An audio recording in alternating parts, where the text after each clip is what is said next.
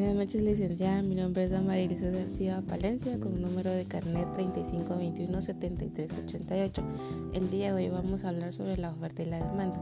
La demanda es el valor global del mercado que expresa las intenciones adquisitivas de los consumidores. La curva de la demanda muestra la cantidad de un bien específico que los consumidores o la sociedad están dispuestos a comprar en función del precio del bien a la lenta disponible. La oferta la oferta, por otro lado, es el conjunto de ofertas hechas en el mercado por los bienes y servicios a la venta. La curva de oferta recoge la localización de los puntos correspondientes a las cantidades ofertadas de un bien o servicio particular a diferentes precios.